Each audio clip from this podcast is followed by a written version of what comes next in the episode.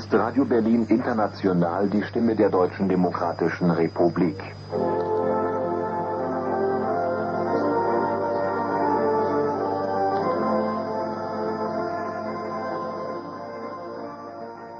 Þú ert að hlusta á útsendara ástarinnar. Helga Novak, Ísland, Östutískaland og Stasi. Þetta er fjórðu þáttur, Skáldkona snýr heim.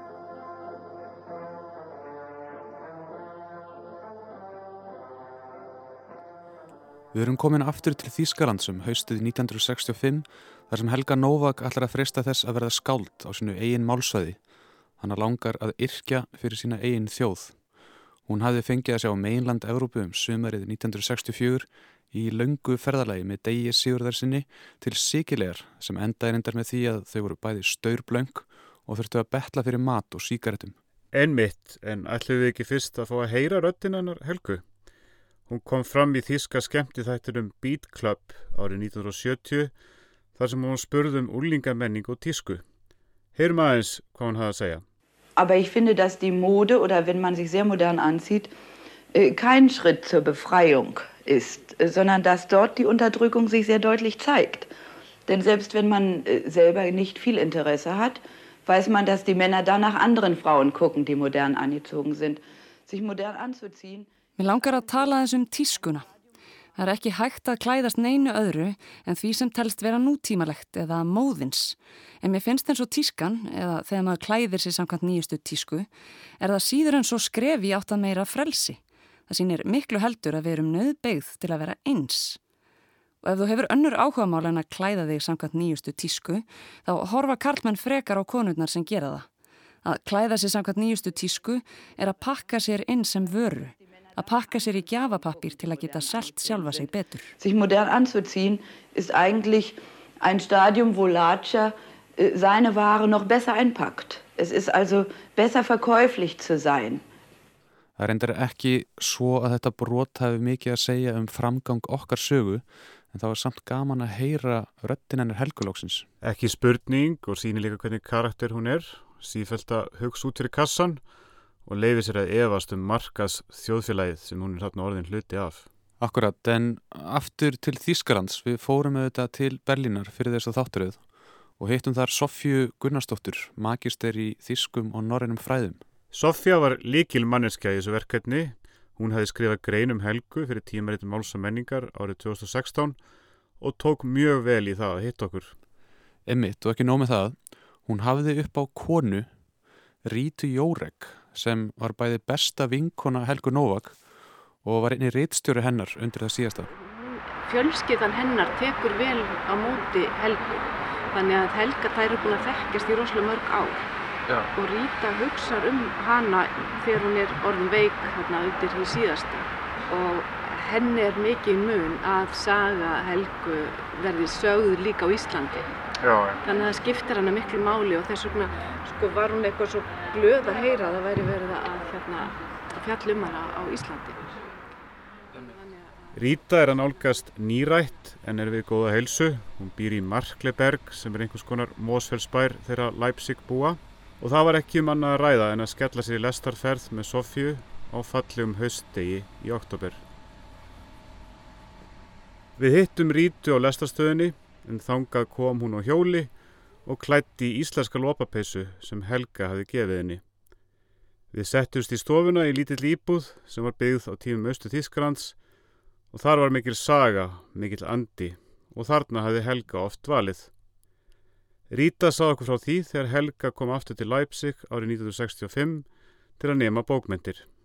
Ja, das war schlimm gewesen, weil sie 65, also ist sie immatrikuliert worden in, vom, äh, äh, vom Literaturinstitut mit eben dieser, diesen Gedichten, Ballade, äh, mit diesem Gedichtsband, der in, in Arbeit war und im Herbst auch rauskam, Herbst 65, Ballade von der reisenden Anna. Da gibt es ja ein Kapitel, das heißt Im Lande Star über den Spitzel Winfried Schütze und solche Ríta segir að Helga hafi lendt í erfileikum eftir að hún var skráð til náms við bókmyndastofnununa með þessa ljóðabók í vasanum, ballaðan af henni ferðaglöðu önnu sem kom út innmitt 1965 og það eru ljóð eins og eitt sem heitir í landi sta og þar er fjallað um njósnara og slík ljóð sem voru alls ekki talin í lægi. Fólk sem leitti í stopnunna var jákvægt og sá að hún var efnileg en þá hefst þessi nýja áallum stjórnvalda þar sem allir hlutar menningarinnar, listamenn, rítöfundar verða fyrir áhrifum. Þeir eru sakar um ívislegt að vera haldnir létt úð.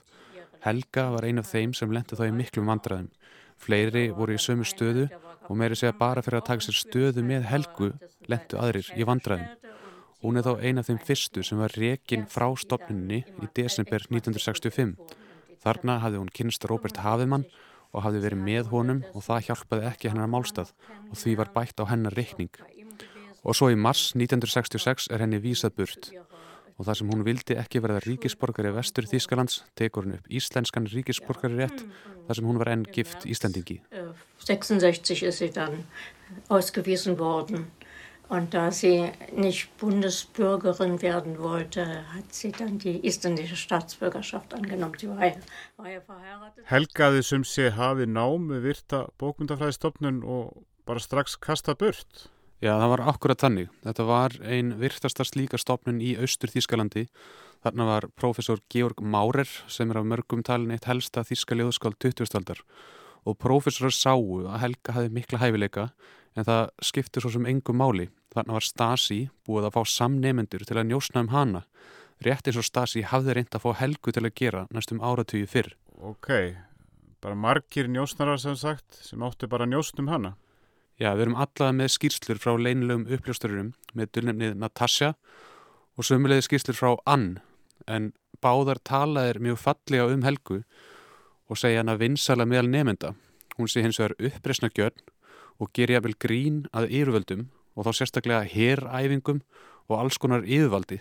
Það gengur auðvitað ekki. Þetta er ekkert smá sorglegt. En þarna myndist Ríta á Robert Havimann. Hver var það aftur? Já, ef ekki að leifa Helgu að segja okkur aðeins frá Robert Havimann. Það var aldrei neitt evi. Ekkert vantraust, engin leikaraskapur, engin allsæla sem fylgdi því að kynnast Robert Havimann. Við treystum hvort öðru frá fyrstu stundu og það var eins og við hefum þekst lengi, þrátt fyrir að vera að hittast í fyrsta sinn. Það þurfti ekkert aður, það þurfti enga romantíska sigra. Samband okkar þróaðist fullkomlega án þessara stjórnlausu hrifningar sem gerir fólk oftar en ekki ástfangið og fjötrar það um leið í samband. Það var eins og við hefum verið lungu byrjuð saman. Hvorugt okkar í eigu hins og ekkert sem dróður persónlegu frelsi okkar begja. Það var óendanlega ljúft að snertast að fara mjúkum höndum um nakta húð, að strjúkum andlit, að vera í örugri nerveru hvors annars og hafa alltaf þessa vissu um að sambandi væri ekki gert til að endast. Einmal glücklich zu sein, Tag für Tag,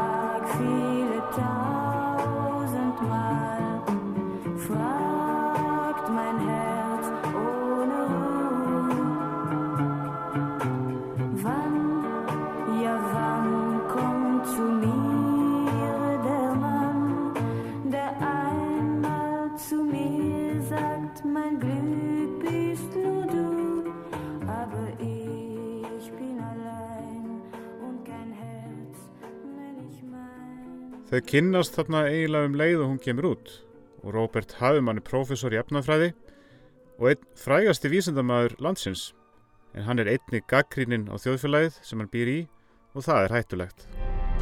Professor Robert Havemann. Es spricht jetzt Herr Professor Havemann. Unsere neue materialistische Weltanschauung. Þessi Havemann er stórmerkilegu maður. Hann var fættur 1912 og því talsvist eldri en Helga. Í setna stríði var hann í anspinnur reyfingu gegn nazistum og var handtekinn og dæmdur til dauða 1943 en hann slapp alltaf í refsinguna sjálfa því hann var fremsti efnafræðingur Þískalands og nazistar vildi fá hann til að útskýra rannsóknir sína betur til að þeir getið þróað fullkomnari efnavopn. Hann var svona eins og Níels Bór þegar þjóðurja. En síðan var hann auðvitað settur í stofufangirsi og þar beittur sálfræði hernaði til að gera alveg út af hann. Hier in dieser Straße steht Professor Robert Havemann seit gestern unter Hausarrest. Er wird bewacht von zahlreichen Polizisten. Einmitt, hann letti í einu svona frægasta tilfelli Tsersetsum, eins og við fjallaðum. En þarna kynist Helga líka Wolf Bírmann sem var nátengdur Robert Havemann.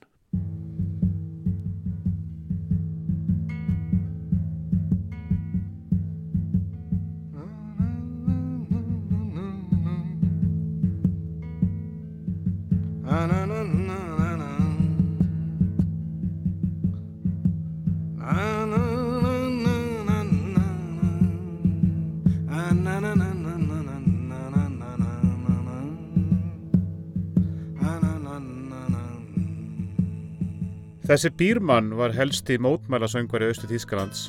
Hann átti tvei börn með Sibíl Havimann, dóttur Roberts.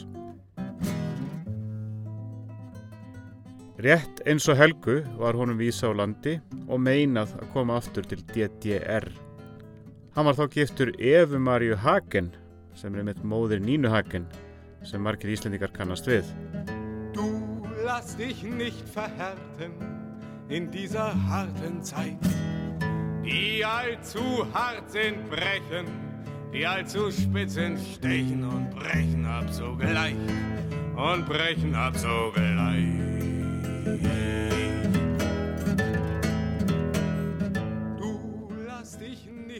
Lægið sem við heyrum hér, spilað undir, heitir Er Mútigung frá árinu 1968 sem á þýð á íslensku sem Kvartning. Lægið fjallar einmitt um hitt hrikala ástand að vera undir oki innræðis og rittskoðunar. Já, læðið var tilengað Peter Húchel, skáldi og bladamanni sem hafði þá verið í stofufangilsi um sex ára skeið. Læðið endur á vísunum vorið sem kemur með lögguðum trjám sem er um leið kvartning til fólk sem að blómstar sjálft og grýpa til aðgerða, sína að ástandið verði ekki þólað mikið lengur. Svo má ekki glema því að Bírmann sagði marg oft að Helga Novak hafi verið mikilvægasta skáldkona sem kom frá Östu Þískalandi. Það er ekki slæm meðmæli. Alls ekki, en við skulum taka upp þráðin með Helgu aftur. Henni er sem séu vísað úr landi í mars 1966 og fær ekki að koma aftur fyrir en múrin er fallin. Stasi skráir það vandlega niður. Berlín, 12.7.1967. Rökstuðningur fyrir tillögu um komubann Helgu Vigfússon. Komubann eða bannað að koma aftur til síns eigin lands. Vigfússon hóf nám við bladamennsku deilt háskólans í Leipzig árið 1953. Þar sem hún kynntist íslenskum námsmanni. Með honum flúði hún land með ólöglegum hætti árið 1957. Hún fór með honum til Íslands þar sem hún kynntist núverandi eiginmanni sínum. Í september 1965 sótti Vigfússon alþýðu líðveldið heim og fekk brautar gengi til náms í bókmentum við bókmentafræðistofnun Leipzig eftir meðmæli ráðunitis menningarmála. Var hún rekinn úr námi í desember 1965 vegna neikvæðrar hefðunar sem leiti til sundrungar meðal nefenda í hennar deild. Vigfússon síndi andkommunísk viðhorf við bókmentafræðistofnunina og mátti sjá í verkum hennar skoðanir sem urðu sífælt fjandsamlegri í gard ríkisins. Hún samti einstaklega neikvæði ljóð um aðgerðir sem snýru að hernaðaræfingum, oktoberstormi. Hún varði sérstaklega skólafélaga sinn við sömustofnun sem hafði áður verið rekin úr skóla vegna fjandsamlegra og fasískra skoðana í gard ríkisins. Þá dreifð hún kenningum Havemanns um endurskoðunarhyggju innan stofnunarinnar og dreifði tekstum sem voru fjandsamlegir floknum. Vegna sérstaklega neikvæðrar hegðunar og viðhorfa höfðu stjórnendur stofnunarinnar þá þegar tekið til íhugunar í samráði við umdæmis stjórn flokksins að banna enni að stíga niður fæti í alþýðulífveldinu. Í byrjun júli 1967 ferðaðist Vigfússon til höfuðborgar alþýðlýðveldisins ásamt söngvaskáldinu Wolf Bírmann meðal annars til að hitta menningarverkamenn sem hafa neikvæð viðhorf gagnvart menningarstefnu alþýðlýðveldisins. Vigfússon gerði samkomulag við Bírmann um að hún myndi hjálponum við að breyða út neikvæðan boðskapans með því að gera lög hans og ljóð vinsæl í vestur Þískalandi og á Íslandi. En þótt Helgu hafi verið hend úr Östur Þískalandi er hún að fá viðurkenningu úr ýmsum áttum og um vorið 1966 er henni búið að ferðast með grúpi 47 til bandaríkjana í upplæstarferð.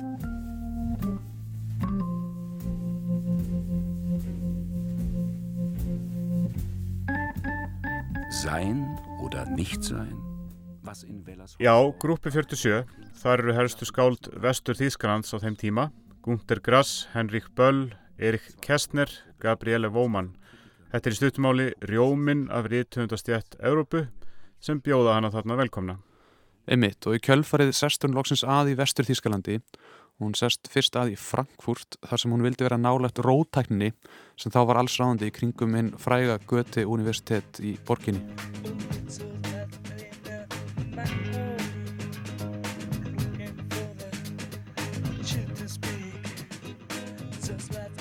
Þarna fer í hönd hennar blómlegasti tími sem rittöfundur og hún sendir frá sér bækur árlega, eða svo gott sem. Ljóð, leikrit og tvö fyrstu bindi æfisögu hennar kom út á næstu teimir áratugum. Hún flyttur til vestur Bellinar um miðjan 8. áratugin og heldur áfram að ferðast um heiminn. Upplifir nellíkubildinguna í Portugal 1974, býrum tíma í Oslo og heimsækir Ísland á og til. Og það var einmitt árið 1985 sem gerður var sam norrætt bókmyndaþáttur í sjómarfi um Helgu Novak. Og við sama tilefni var Jórni Sigurðardóttur sem þá var að stíga sín fyrstu skref sem dagskrargerðarkona falið að fjalla um verk Helgu í sérstökum útarfstætti sama ár.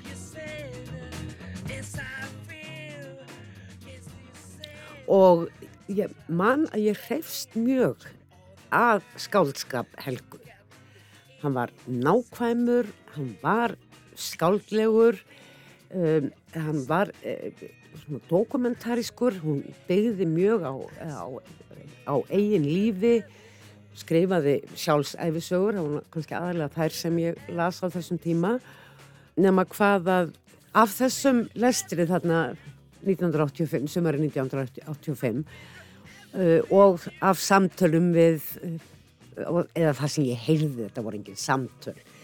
Heyrði um Helgu Nóag í, uh, frá þessum vinstri sinna fóreldrum vinna minna sem hefði verið svona í alabala kreðsum að þá hafði ég nú heyrst að uh, Helga hefði kannski ekkert verið svona auðveldust í umgengni.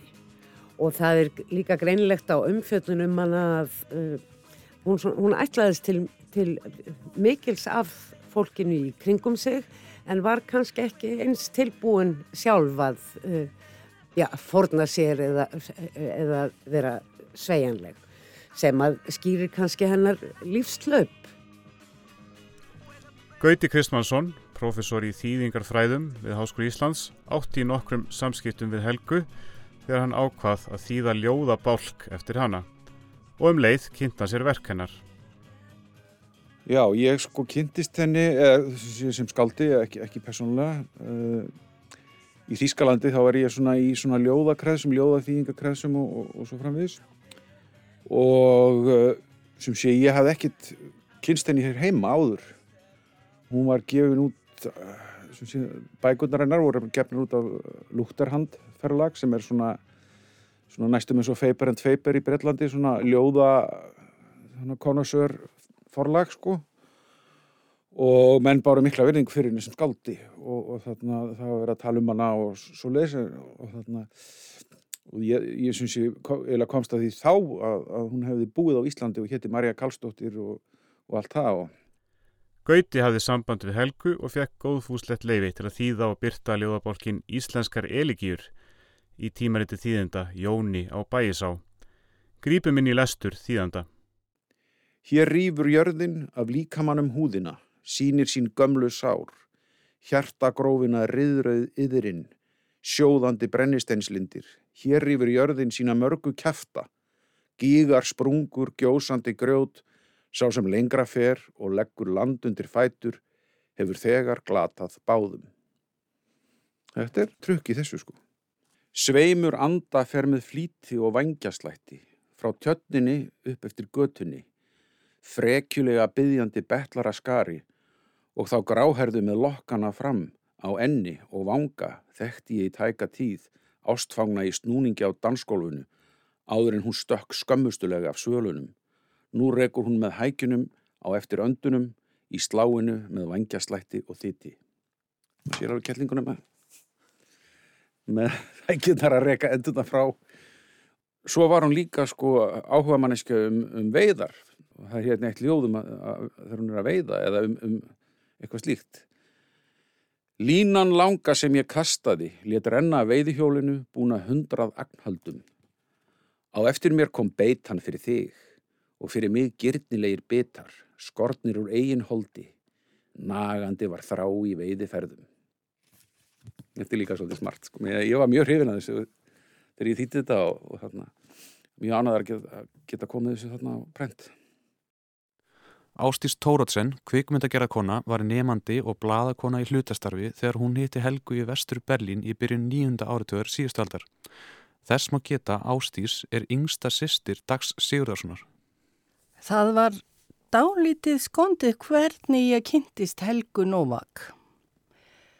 Þegar ég fór til Berlínar, uh, 83 minni mig, þá var ég ung, uh, rétt yfir tvítugt og eins og maður er á þessum aldri, maður bara kemur til nýrar borgar og kynnist andrumslofti og fólki undir eins og maður út um allt. Og eftir mjög stuttan tíma þá var ég með einhverjum vini að sel, hjálpa honum að selja dót og flóamarkaði sem var þá Potsdamer plats sem nú er sko þetta skýja kljúfa merð en þá eðamörk og um, þarna dótinu sem við erum að selja þar eru jarfræðikort og það kemur þarna ungur Tyrki sem er jarfræðistúdent og hefur áhuga á þessum kortum og enn frekar þegar hann fréttir að ég er Íslandingur og hann segist ekki að íslenska konu, Helgu Karlsdóttur ég veit ekki um hvaða konu hann er að tala, að hún hafi bjargað sér þegar hann var á flókta frá gráu úlvonum sem voru svona hægri fasísk samtök, neðu hlift sér inn í stígagangin og skellt í lás. Og ég vissi ekki, ég var að reyna að grafa þetta upp hver Helga Kallstóttir gæti verið, þá saðan Helga Novak og þá kveiknaði ljós vegna þess að þetta nafn þekkti ég frá því að ég var fjögur ára í fjölskyldum minni að því að hún var ástkona bróður mín Stak Sigurðssonar og já, já, já, já, já og nema hvað bara strax um kvöldið þá er ég komin í heimsók til Helgu Novak sem tók mér fagnandi og það var mjög gaman og merkilegt að kynast henni. Ástís tala þarna um að það hafi verið gaman að kynast henni en hún tók einnig eftir að þegar þarna hafi komið sögu var byrjað að halla undan fæti. Ég var ekkert svo sleip í þýsku en ég hafði þó verið, ég var samt sem áður komin inn í heimsbyggi í þýsku og skrifaði mínar umsóknir og skrifaði smásögu og ég baða hann um að lesa hana yfir og leiðrætta þýskuna og það, það gerði hún og það fannst mér fallegt. Um, hún talaði auðvitað við mig um dagbróður og saðist elskan enþá. Svo var það nú svo að mörgum árum setna þá kom hann til Berlínar og bjó í hennar húsakinnum en þá var hún eigilega komin inn í polsku skóana. Hún Helga, hún var uh, alkoholisti og heima hjá henni var allt tandur reynd og í röð og reglu. Alltaf. En hún gæti ekki drukkið eitt bjór án þess að augun færu að synda. Býtu þarna talar ást í þessum polsku skóana. Helga var þarna fluttir Póllands. Já, upp úr 1990 lætir hún sig eiginlega bara hverfa og sesta að í polsku skólendi. Uh, Kanski einhvers konar anstæði við Ísland þegar hún kom hinga fyrst 1957. Guðmundur Andri Ragnarsson er barnabarn Helgu, hann heimsóti hann að þangað.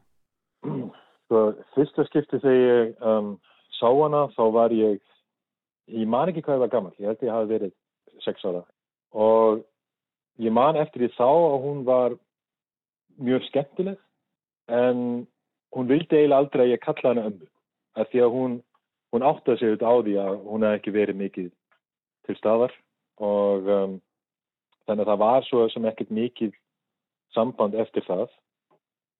Svo hitt ég hana aftur í Pólandi.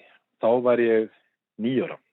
Það var svona dóttir merkilegt að fara þángað um, með lest, mamma mín fór með mér og allt þetta ferðalag og, og, og, og hitta hana í Pólandi og sjá hvernig hún, hvernig hún átti heima þar og ég man eftir því að hún hafi verið mjög líka mjög skemmtileg þá en það var aftur sama dæmið sko. hún, hún veit aðrið að ég kalla hana ömmu og ég átti alltaf að kalla hana Helgu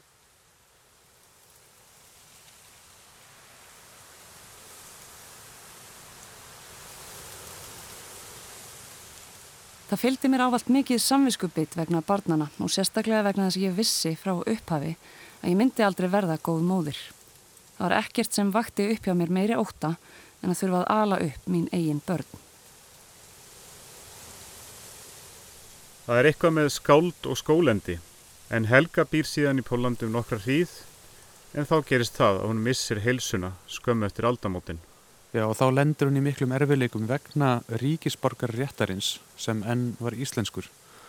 Hún var ekki með heilbriðstryggingu í Þískarandi og mætti litlum skilningi þegar hún leita eftir aðstóð. Hún fekk enga aðstóð korki á þískum nýja íslenskum yfirvöldum. Hún nær þó að klára þriðja bindið af æfisugusinni um Svanenhals með aðstóðu Rítu Jórek og kemur svo bók út árið 2013. Helga lést síðan sama ár á aðfangadag og hafði þá búið í smábænum Erknir í útjæðri Berlínar á sama stað og hún ólst upp. Þar var hún reynda gerðað heiðusborgara árið 2012. Já, þarna fórum við dálítið hratt yfir sögu. Já, heldur betur, bara ef við hefðum haft meiri tíma. En förum yfir þetta. Hvað var það sem við vildum svara? Við áttum kannski eftir að segja frá því að skömm eftir fall Múrsins þá sendir Helga Novak opið bref til Der Spiegel tímaritsins þar sem hún viðkennir að hafa skrifað undir skjál hjá Stasi um að njóstna en þá hafði skjálasamt Stasi verið opnað. Ef þetta á að vera svona þá já, þá var ég líka njóstnari. Hér reyna einmannalega vestur þá allavega ekki við um mig. Frá því ungu 56 var ég ansnúin. Ekki gegn kommunismannum heldur gegn asísku allræði. Ég var munaðalaus, háskólanemandi sem átti eina önn eftir til að útskrifast og í ástarsambandi með íslenskum nemanda. Það var auðvelt að kúa mig. Og ég skrifaði undir í september 57. Ég vildi ekki sitja í sjö ári í steininum eins og Erik Löst. Það sem engin gæti einu sinni fært mér síkarettur því ég átti enga fjölskyldu. Ég átti engan að. Skömmin mun svíða ævilangt og skömmin er líka góður kennari. Því hafið einnig verið meðlemið flokksins nákvæmlega eins og ég og ég gekk úr flokknum sem þá var meira segja bannað. En við vorum öll samsegg. Þeir munu aldrei koma höfðinu utanum allt sem ég veit um fólk sem við þekkjum vel og fyrr vildi ég láta mér blæða út í polskum skógi en að setjast að í þískan dómarastól. Helga Novak, die den Decknamen Renate führte, hat 1992 offen zugegeben, inoffizielle Mitarbeiterin gewesen zu sein.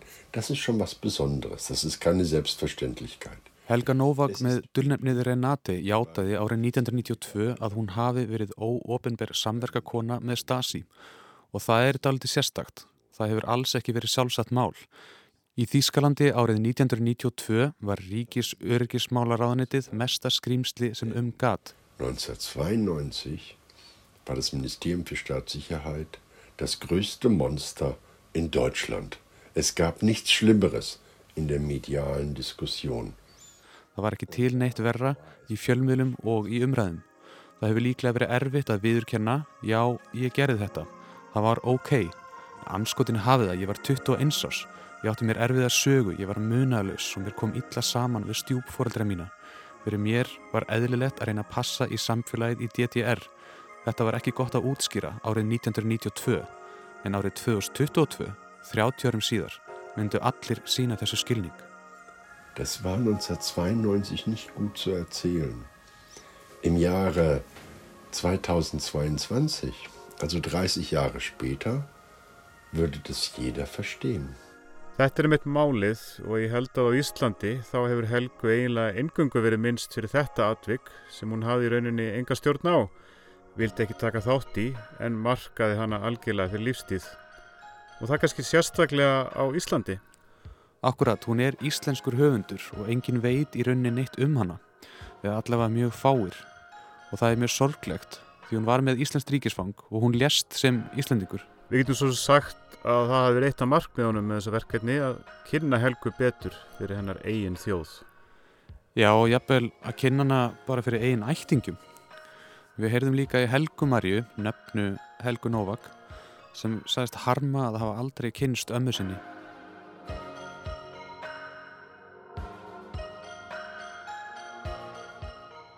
Ég þekkti ömmu mín aldrei og heitt hann aldrei en mér langaði alltaf að kynast henn og held að ég myndi fá tækifæri til þess eitthvað tíma. En ég var held ég 20 eða 21 árs þegar hún lés og náði því aldrei að fá að hitta hana og núna í dag eru allir látnir sem ég hef getað spurt út í hvernig hún var og hver hún var. Þannig mér finnst ótrúlega gaman að fá að það sé, það sé verið að gera þáttum en þannig að ég fá að heyra kynast henni aðeins í gegnum það.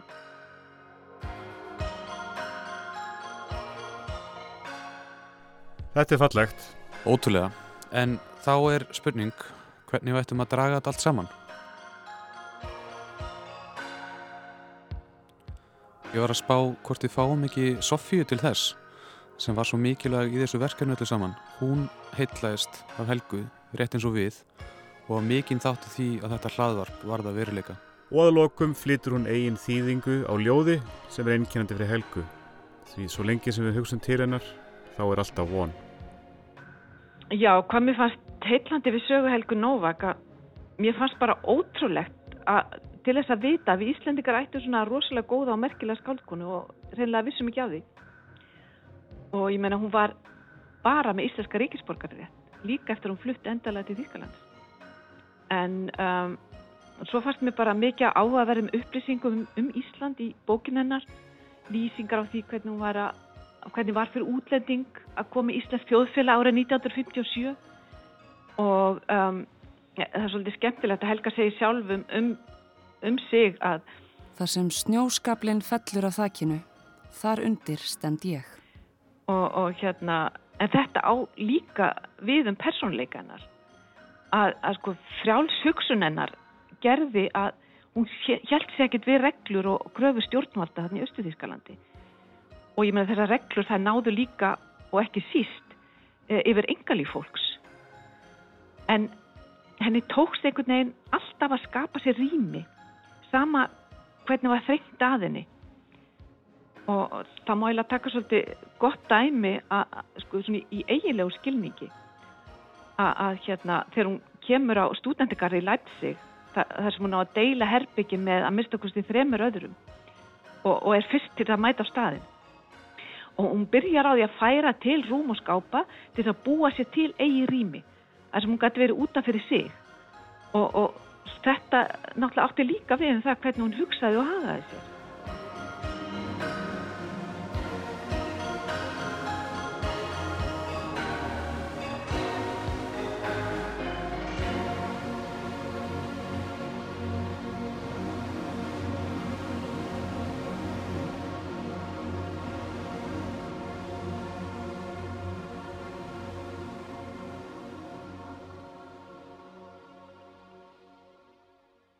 Á meðan ástabrif berast er ekki allt tapað.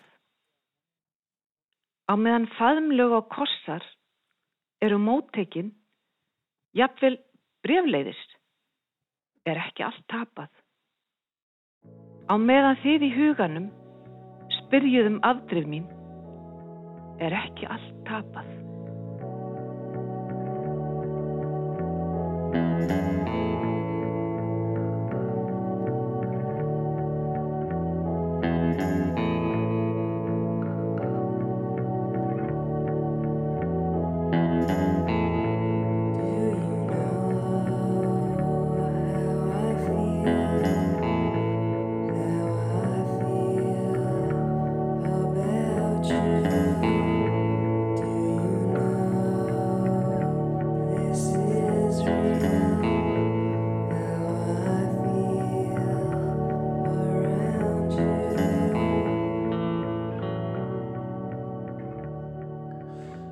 Þetta var útsendari ástarinnar, fjórði og síðasti þáttur um Helgu Novak, Ísland, Östuþískaland og Stasi.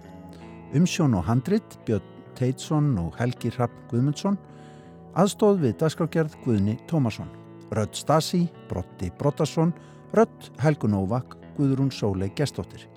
Þýðingar úr Þýsku, Björn Teitsson, Sofía Gunnarsdóttir og Þorstein Þorstensson.